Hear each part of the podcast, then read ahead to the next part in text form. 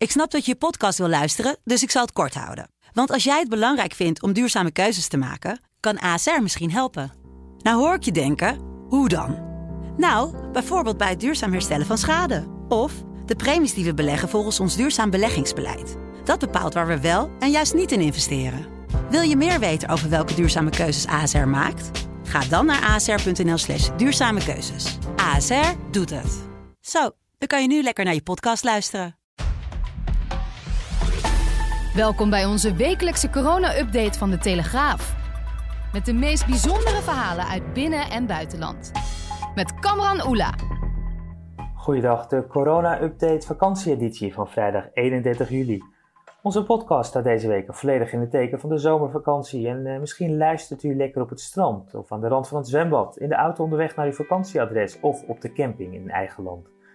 De zomervakantie is dit jaar anders dan anders en dus nemen we een kijkje over de grens. Hoe vergaat het Nederlanders in het buitenland?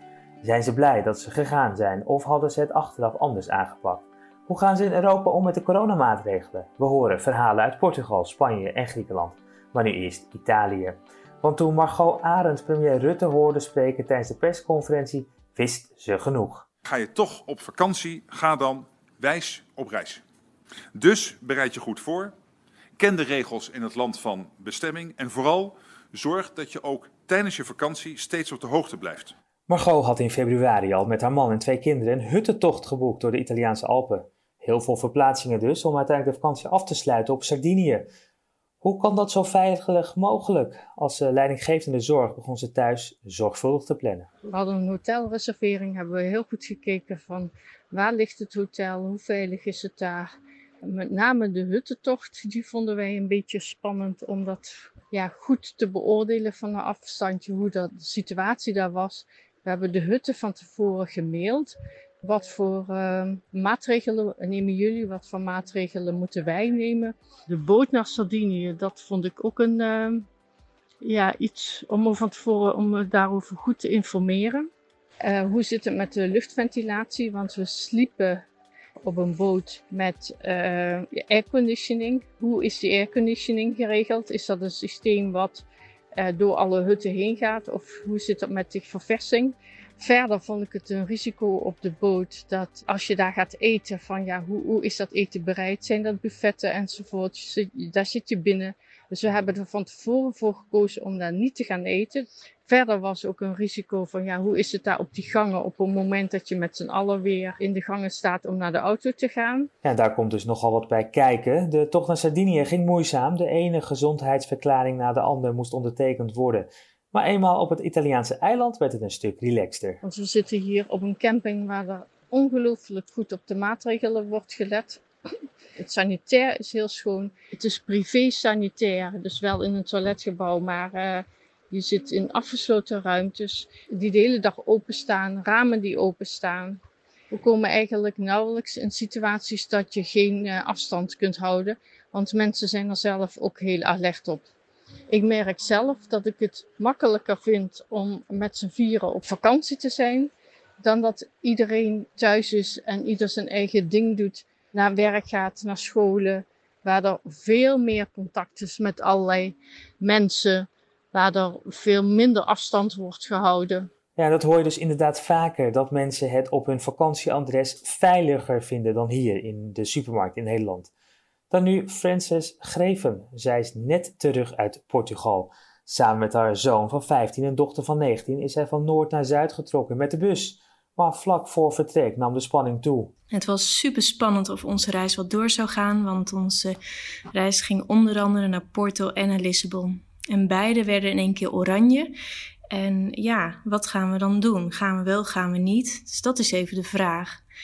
Gelukkig op het laatste moment werd Porto geel. En uh, daardoor uh, kon onze reis uh, toch doorgaan. En Lissabon hebben we geschrapt. Ja, van tevoren maak je de afweging en is ook een stukje angst. Mijn zoon gebruikt bijvoorbeeld medicijnen die zijn immuunsysteem kwetsbaar maakt en is sneller vatbaarder. Dus ja, maar goed, we hebben de stap gewaagd en Porto verraste ons. Het was rustig op straat. Ze zijn erg netjes. Zodra je een terras oploopt, en dat was eigenlijk in heel Portugal, uh, is het mondkapje op. Uh, personeel loopt met mondkapjes. Eigenlijk hebben ze de regel twee meter afstand. Ze houden ook werkelijk afstand. Ja, en dan gaan moeder en kinderen zuidwaarts richting de Algarve. De dochter van Francis was vorig jaar met vriendinnen in Albufeira en ze waren benieuwd hoe de populaire badplaats er nu bij ligt. Met corona dus. Met het nieuws over de rellende tieners kort daarvoor in het achterhoofd waren ze nogal verrast door wat ze daar aantroffen. Ontzettend veel tenten zaten dicht. Bars, restaurantjes. Er was wel wat leven, maar minimaal. We zagen eigenlijk bijna niemand daar op straat. Ook de terrasjes wat er open was, ja, was gewoon heel erg rustig. Ze wist niet wat ze zag, want ze kende het van vorig jaar, waar natuurlijk heel veel jongeren er waren.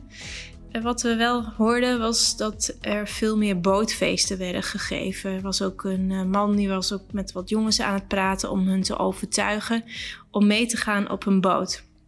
Om zo toch nog wat feesten te verzorgen. We hebben dus niet gezien hoe groot die boten waren of hoe dat verder verliep. Maar eh, ja, dat was hun alternatief. Eenmaal thuis is Francis enorm blij dat ze toch is gegaan, ondanks alle zorgen vooraf. En dat terwijl het reizen met OV eigenlijk wordt afgeraden. Ik ben erg blij dat we wel naar Portugal zijn gegaan. Ik ben ook blij dat we Lissabon nu niet hebben gedaan. Waarbij je ook het gevoel hebt dat, um, ja, dat je hebt geluisterd, zullen we maar zeggen. Natuurlijk, het openbaar vervoer raden ze niet aan. Maar het, is niet, zijn geen bussen waar je in en uitstapt. Het zijn echt ritten van vier, vijf uur. En waarbij je vervolgens naar een andere bus uh, toe gaat. We zijn thuisgekomen, ik heb boodschappen gedaan en ik voelde me naakt. Ik kom de supermarkt binnen en iedereen, ik woon in Arnhem Centrum, iedereen staat vlak bij elkaar. De terrassen zitten vol, de winkelstraten zijn vol. En jeetje, wat een verschil. En waar je ook onbezorgd vakantie kunt vieren is uh, Griekenland, al dus Annemieke de Wit. Het weer en de zee zijn hier fantastisch, zoals altijd. Maar ook Griekenland is super veilig, weinig besmettingen houden strikte regels erop na, maar het is hier prima te doen. Wel een beetje sneu om te zien dat er weinig toerisme is. Je komt wat Duitsers tegen en verdwaande Nederlander. En dat was het dan ook. Maar voor de rest, ik kan het alleen maar aanraden. Beter dan de stranden en plaatsen in Nederland. Michiel en Marieke van der Werf dan, die genieten van een vakantiehuis in El Campello, in het Spaanse kustplaats tussen Benidorm en eh, Alicante.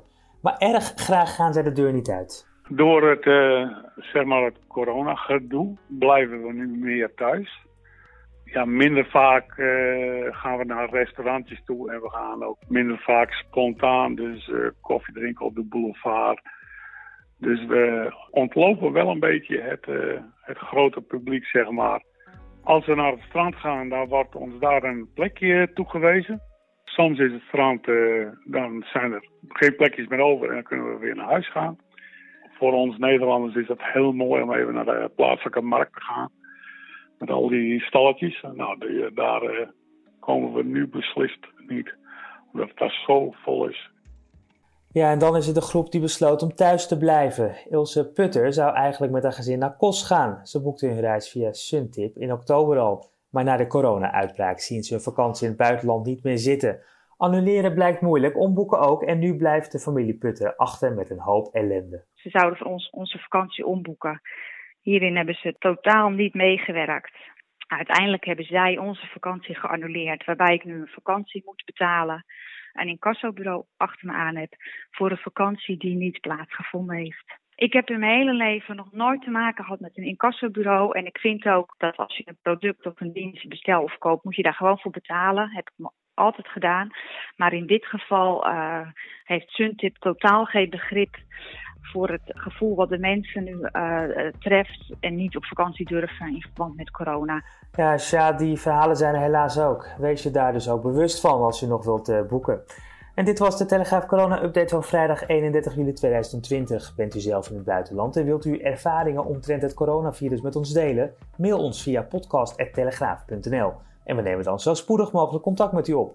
Voor mij drukte, hou afstand, blijf gezond, een uh, fijne vakantie en wat ons betreft tot de volgende dan weer een nieuwe aflevering van de Corona Update vakantieeditie.